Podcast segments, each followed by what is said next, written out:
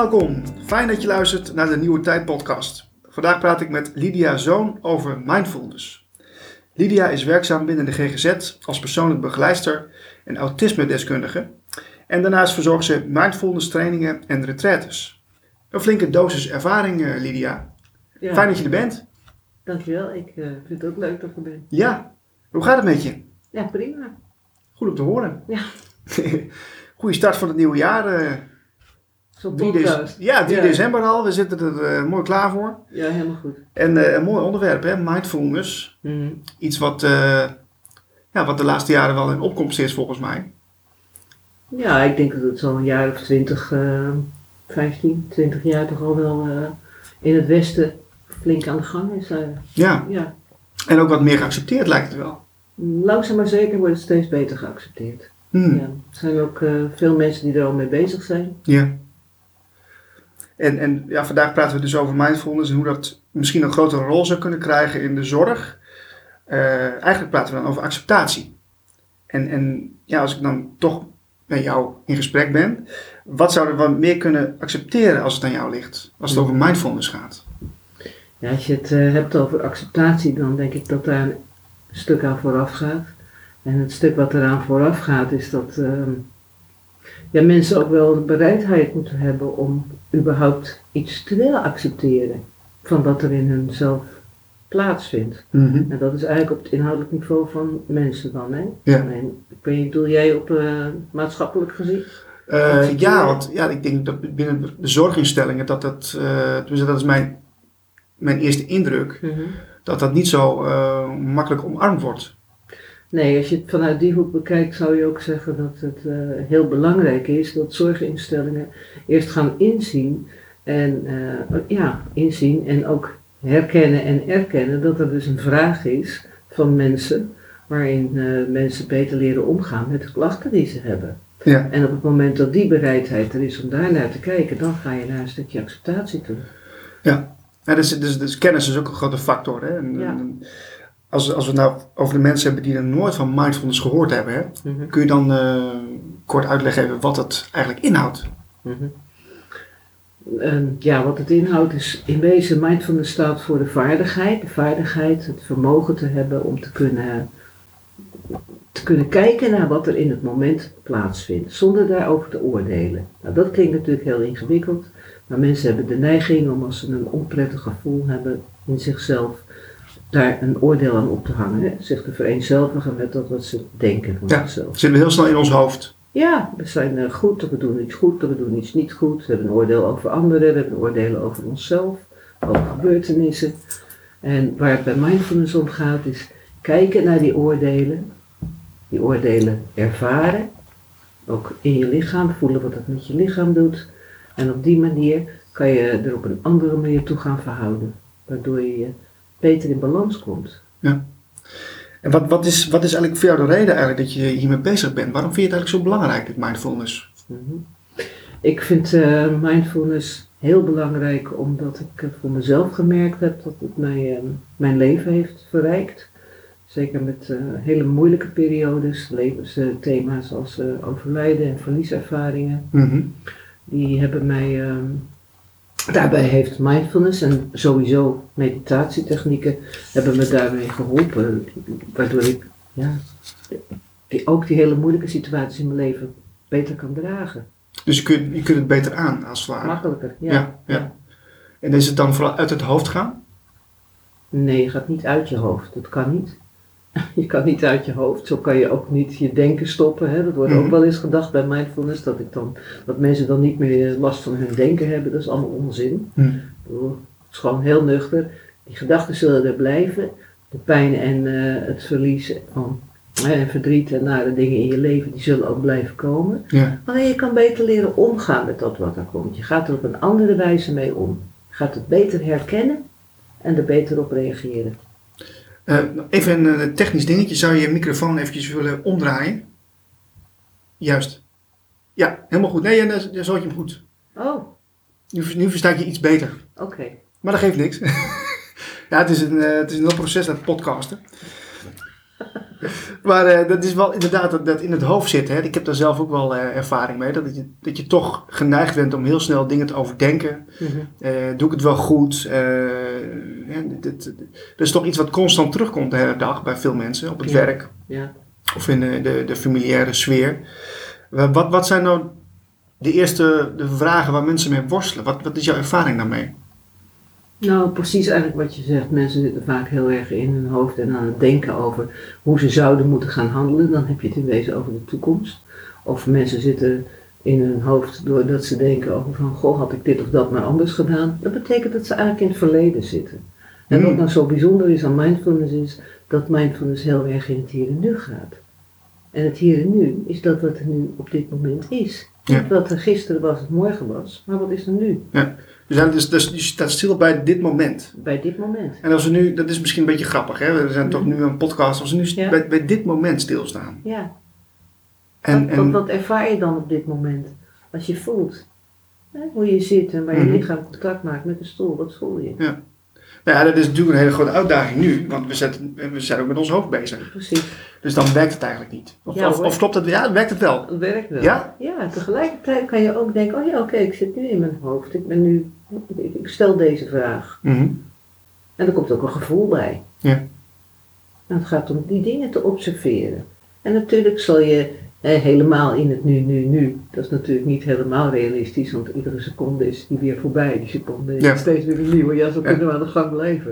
Maar wel eh, realistisch zijn. Realistisch in de zin van ik kan eindeloos spiekeren over wat er vorige week gebeurd is of vanmiddag als er iets heeft plaatsgevonden. Ja. Maar dat helpt niet, hè? Het verandert die situatie niet. Nou ja, met, met, eh, met meditatie, dat doe ik ook eh, nu al een jaartje ongeveer, misschien iets langer. Mhm.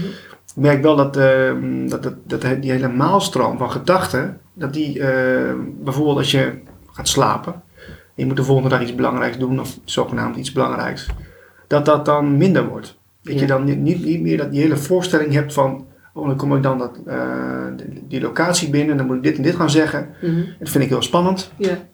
En dat je dan al die scenario's gaat uitdenken. En dat je dan de hele nacht wakker ligt. En dan 's ochtends helemaal met de kater wakker wordt. Met hoe dat je, dat je 280 scenario's hebt eh, uitgedacht van hoe het zou kunnen gaan. ja. En als je, als je, met, als je met bepaalde oefeningen, dat, ja, dat, daar kun je wel naar zoeken. Die kunnen je dat helpen om dat eigenlijk te reduceren. Ja, zeker. En wat je natuurlijk bij de mindfulness vooral ook leert, is als er gedachten zijn, door alleen die gedachten te benoemen. In de zin niet inhoudelijk de gedachten, maar gewoon denken. Hm. Het is denken, denken. Ja, er is ademhalen, er is denken, er is zitten, er is voelen. Is, eh, ja, Hm. al die, al die eh, lichamelijke sensaties benoemen. Ja, nou dat is, het is eh, best lastig in het begin ook, kan ik je vertellen. Dat Dat is, ook. dat is, dat is een mooie uitdaging. Ja, Ja, jij, bent, ook, jij bent best wel lang in de GGZ je werkzaam als persoonlijk begeleider. En je, je, je past ook mindfulness toe, hè, bij, Mhm. soms bij cliënten. ja. Ehm, wat, wat is jouw ervaring met het inzetten van mindfulness binnen de GGZ? Nou, wat ik het meeste mee tegenkom eigenlijk is dat mensen vaak, eh, zich vaak heel ongelukkig voelen in, een, ja, in de situatie waarin ze zitten. En dan heeft het meestal te maken met dingen die ze zouden willen, die niet meer mogelijk zijn. Dus ook daar komt eigenlijk wel een stuk bereidheid tot acceptatie, is daar aan de orde. En wat ik zelf vaak doe, is mensen in ieder geval laten voelen hoe ze in hun waar het zich uit in hun lichaam. Omdat de eerste, zeg maar, de eerste ingang eigenlijk via het lichaam is. Als je de hele dag met spanning loopt, dan is dat gewoon niet fijn. En dat hebben mensen vaak niet in de gaten. Niet in de gaten dat ze hun eh gebalde vuisten hebben, dat ze de hele dag met hun strakke nek rondlopen. Nou, zodra ik met iemand ga praten over wat, wat ze aan het doen zijn, en dan breng ik mindfulness eigenlijk ter plekke in. Dus dat is nog zonder dat ik een training start. Oké, we hadden net hadden we het, eh, voordat we de, de opnameband lieten lopen, zeg maar, hadden we eh, een kort gesprekje over energie. Wat, hè, wat, wat, wat, Mhm. is het, wat is het nou eigenlijk dat, hetgene wat in je lichaam zit, Ja. als die energie eh zeg, opgekropt, of op- opgekropt in het lichaam zit als het ware. Hè? Dat, is, dat, is, dat is het inderdaad, eh, als je steeds met je stijve nek loopt of dat steeds ergens zich ophoopt, is, is het dan, is het dan ook meer kans dat het daar juist een, een, eh, een, een, eh, een blessure of een, eh, of een, een fysieke aandoening optreedt, is, juist op die plek, of is dat simpel gedacht voor mij? Nee, dat, dat is, daar zit wel een vorm van waarheid in. Want ehm, als iemand problemen heeft, dus of iets wat zich steeds terugkeert, dan heeft mensen hebben vaak een zwakke plek. Nou, ik heb nu net het voorbeeld van de stijve nek Ja. genoemd, nou, laten we die dan als voorbeeld houden. Wat je vaak ziet is als iemand daar last van heeft en je gaat een, zo'n geleide meditatie doen bijvoorbeeld met iemand. En daar eh, de, aandacht brengen naar die gevoelens bij die nek, dan komt er vaak een heleboel emotie die eronder zit los. Mhm. Mensen komen dan met hele, ja, die kunnen allerlei, eh, ik- misschien zit er wel angst onder Ja. of boosheid. Mhm. En dat, dat merk je dan gewoon in zo'n oefening. En dan komt dat eruit. Ja. Ja. Goh. Maar ja, dat, dat, eh, zo, zo, als je, voordat je daar bent, eh, ik denk dat er wel eerst iets aan vooraf gaat, denk ik. Want je moet het eerst onderzoeken met iemand. Ja, en wat, ja, nu hebben we het eigenlijk over, vind, in, in eerste instantie, eh, eigenlijk heb ik het over mindfulness en dan Mhm. heb ik het over de mindfulness training. Oké. Maar ook binnen de training in de mindfulness is het zo dat wanneer we een oefening doen en mensen geven bijvoorbeeld aan, hè, je hebt een ademmeditatie, mensen vinden het eng om adem te halen. Oké. Dat is heel bijzonder, want mensen halen de hele dag door adem natuurlijk, Ja. logisch, totdat je je laatste adem uitblaast. Ja, Ja, maar goed. dan wordt het niet meer leuk. Ja, maar dan vinden ze toch heel eng om daar de aandacht op te richten. Mhm. En als je dat dan doet, dan komen er vaak allerlei emoties naar boven. En het is mooi om te zien in zo'n training om dan gewoon daarbij te blijven. Blijf er gewoon bij en dan gaat gewoon observeren. En je zit in een veilige omgeving. Ja, met, eh, met, met gelijkgestemden zijn we dan Ja. met elkaar zo'n training aan het doen. En, en, maar ik, ik hoor heel veel angsten eigenlijk die, die mensen moeten overwinnen. Mm, Of is het, is het ook een beetje te kort door de bocht? Dat is wel kort door de bocht, want het zijn geen angsten die mensen moeten overwinnen. Het zijn vaak angsten die bij mensen aanwezig zijn. Maar dat komt, ik heb eh, natuurlijk, mijn cliënten hebben vaak last van angsten. En ook, eh, ja, het zijn niet alleen cliënten, maar ook collega's aan wie ik training geef. En eh, mensen van buiten de, de GGZ aan wie ik training geef, die komen vaak met burn-out klachten via de huisarts dan bij mij terecht. En die hebben ook vaak last van angsten. Dus angst is wel een thema wat ik heel vaak tegenkom. Oké. Ja. Goh. Want je, je, je doet eh, cliënten individueel, maar je doet dus ook trainingen. Ja. Ehm, en ehm, wat is dan, is dat, zit er een groot verschil in of, is, of, of overlapt het elkaar heel veel? Mm, Nee, ik vind wel dat er een verschil in zit. Omdat als het één op één is op mijn werk, dan moet ik er rekening mee houden dat ik geen, eh, geen behandeling ga geven. Dus dan pak ik het gewoon echt in het moment aan. Als Mhm. iemand zegt van ik voel me niet lekker, oké, waar voel je dat je je niet lekker voelt? Waar voel je dat? Waar uitzicht dat in je lichaam? En ga daar eens naartoe. Zo doe ik dat als ik het één op één doe. Ja. binnen mijn werkveld. Want dan kan ik iemand ter plekke handvatten bieden om op een andere manier daarnaar naar te gaan, eh, daarmee om te gaan met een gevoel. Als ik de mindfulness training in mijn werk geef, dan is het echt een training met een kop en een staart. Het is een acht weken programma Mhm. van twee uur per, eh, per les. En die eerste drie lessen die zijn gebaseerd met een hele hoop psycho-educatie over eh, automatische reactiepatronen. Dus dat komt er ook allemaal bij kijken. Dan ga je eh, drie lessen krijgen die meer de verdieping ingaan over eh, gedragsproblematiek en eh, hoe, we, hoe, we daar, hoe wij met ons gedrag omgaan. Mhm. En hoe ons brein werkt in dat opzicht. En de laatste twee lessen vatten we dat allemaal bij elkaar. Dus het is echt een programma. Zo. Wel interessant hoor. hé. Ja, En, en je zegt ook dat je bij collega's trainingen geeft. Is, Ja. is dat, komt dat vaak voor of is het incidenteel? toen ik net met mijn werkgever begon, toen heb ik eh, de training mogen geven aan collega's die daarin geïnteresseerd waren.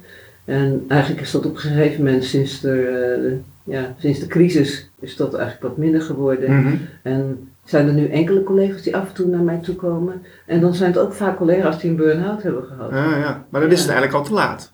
Dan is die wezen al te laat. Mooier is als iemand op voorhand meteen komt en dan zegt van oké, ik wil graag handvatten krijgen om om te gaan met waar ik tegenaan loop. Ja, je vertelde net, eh, tijdens de crisis werd erop bezuinigd. Ja. Ehm, ik ben ook wel een beetje geïnteresseerd in, in, het, in het thema van... ehm, wat, is, wat maakt het nou zo lastig om mindfulness wat, wat, wat groter te integreren binnen, eh, binnen de zorg, binnen de GGZ? Kun, kun, kun je daar, kun je vertellen wat, wat het proces zo langzaam maakt? Mhm. In mijn beleving maakt het, eh, wat het, vooral langzaam maakt, is dat eh, de GGZ aan zich, als je het hebt over de grotere organisaties waarin psychologen en eh, psychiaters gaande zijn, die, die weten precies waar mindfulness over gaat en die geven mij ook heel vaak gewoon juist het advies om met cliënten de mindfulness in te zetten. Dit, dit, Alleen- ja, dit klinkt heel positief. Ja, dat Ja. is ook heel positief. Ja. Alleen de organisatie waarin ik werkzaam ben, die heeft, eh, de- dat is een beetje afhankelijk van degene die er op de, op de managerstoel zit. Ja, ja, ja. En in hoeverre die ervaring heeft ermee. Of het eh, een beetje gekscherend eh, in, in, een- in een ja, wazig daglicht zet. Dat is, dat is wat mijn ervaring is. Nou, dus, dus als bovenaf niet meebeweegt, Ja, dan is het gelijk consequentie voor de behandeling. In principe wel. En dan kan je, eh, ja, nou ja, wat ik dan zelf doe, bespreek ik het wel met de behandelaren. Mhm. En Ja. op die manier werkt het dan toch weer. Maar dat is wel heel jammer. Het zou eigenlijk anders kunnen. Het zou, niet gewoon goed zijn dat jij, eh, dat, dat, dat jij eh, als we het over bewustzijn hebben, want dat is toch iets, een thema wat ik, waar ik dit jaar wel vaker mee eh, aan de slag ga.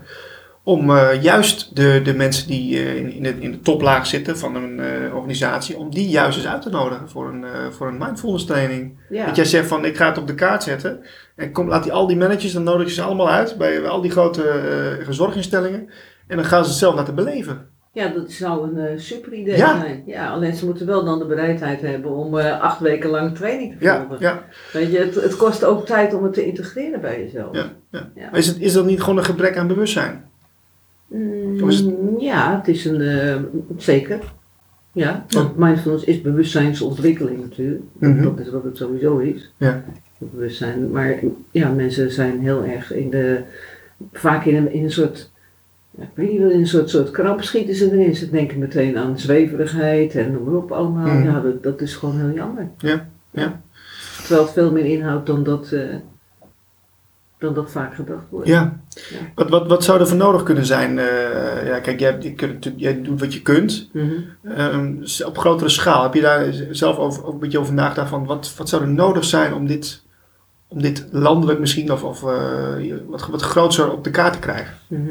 Heb ik zeker over nagedacht en ik heb daarin ook een eh, bijscholing gedaan, Mindfulness at the Workplace. Oh, Dus om het in bedrijven te gaan doen, nou ja, een GGZ-organisatie is natuurlijk ook een bedrijf. Dus wat dat betreft zou het een idee zijn om op die manier eh, daarmee aan de gang te gaan. En eh, daarover heb ik wel gesprekken met eh, mensen van de beroepsvereniging. mhm. Want mindfulness zoals, in ieder geval ehm, zoals ik hem geef, en een groot aantal van mijn collega's, dat zijn allemaal categorie 1 trainers van de beroepsvereniging VMBN Ja. in Nederland. Dat is eigenlijk de enige organisatie die, eh, die ook zeg maar de zorgverzekeraars. Ah ja, dan komt dat weer om de hoek kijken natuurlijk. Ja, Ja, dat is ja. vrij ingewikkeld allemaal. Ja.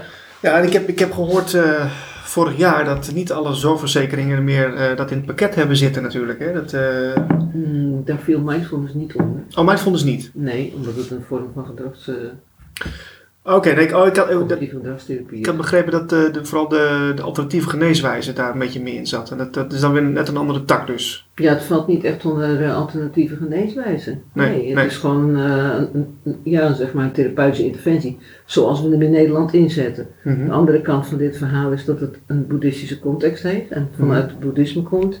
Dus kan je je natuurlijk afvragen in hoeverre het noodzakelijk is dat mensen eh, eh, ja, überhaupt al diploma's moeten halen om een mindfulness training te geven. Dat is natuurlijk ergens wel typisch westers denken weer. Tuurlijk, ja, je wordt eerst, allemaal in eh, een kadertje gestopt. ja, hier. je je moet eerst een diplomaatje hebben voordat je dat mag doen. Ja, belachelijk. Dat had de Boeddha ook niet hoor.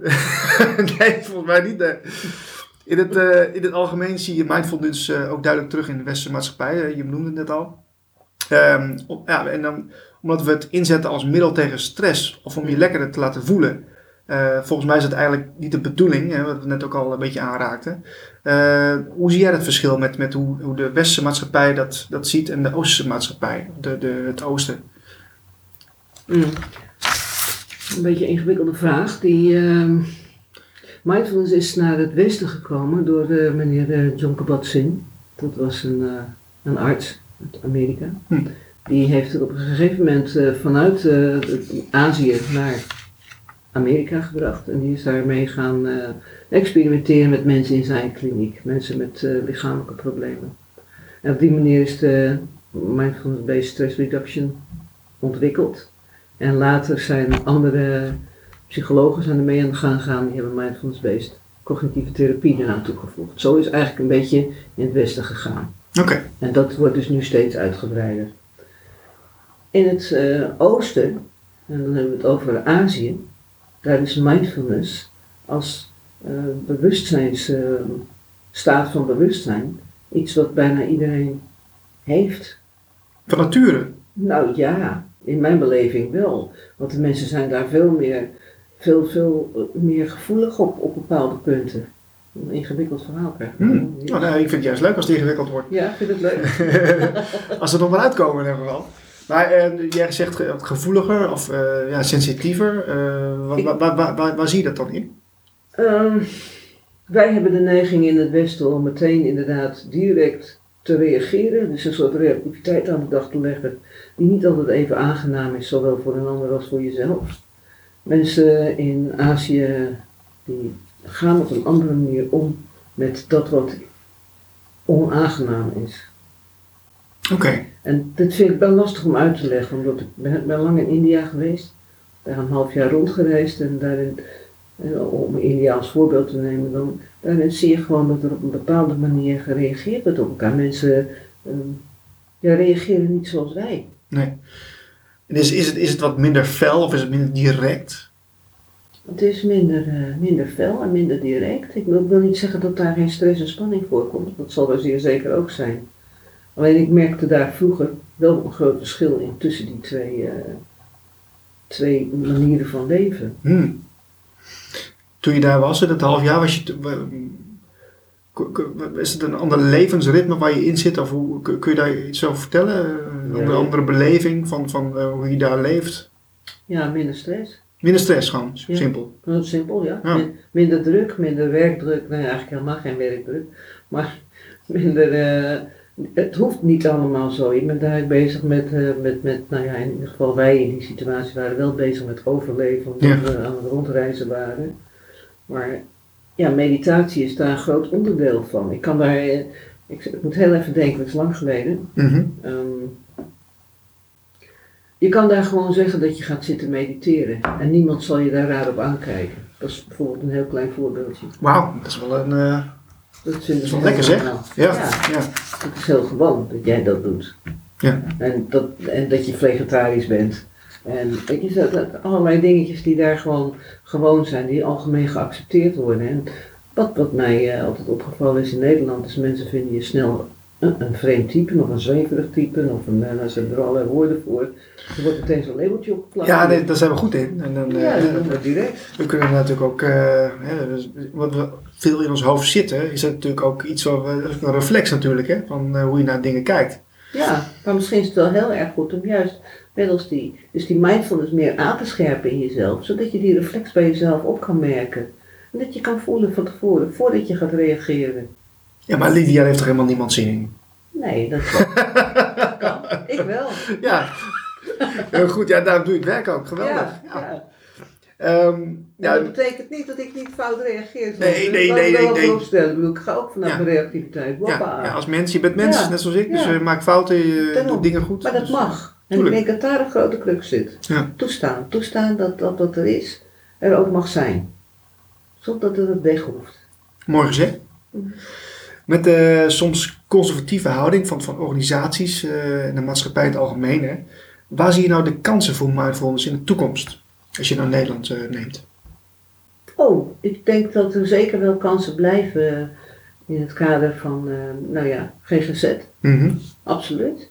het zou alleen mooi zijn als ook woonvormen, GGZ-gerelateerde woonvormen, ook daar iets meer aandacht zouden geven. En dat ze meer ruimte gaan bieden om mensen daarin uh, opleidingen te laten doen.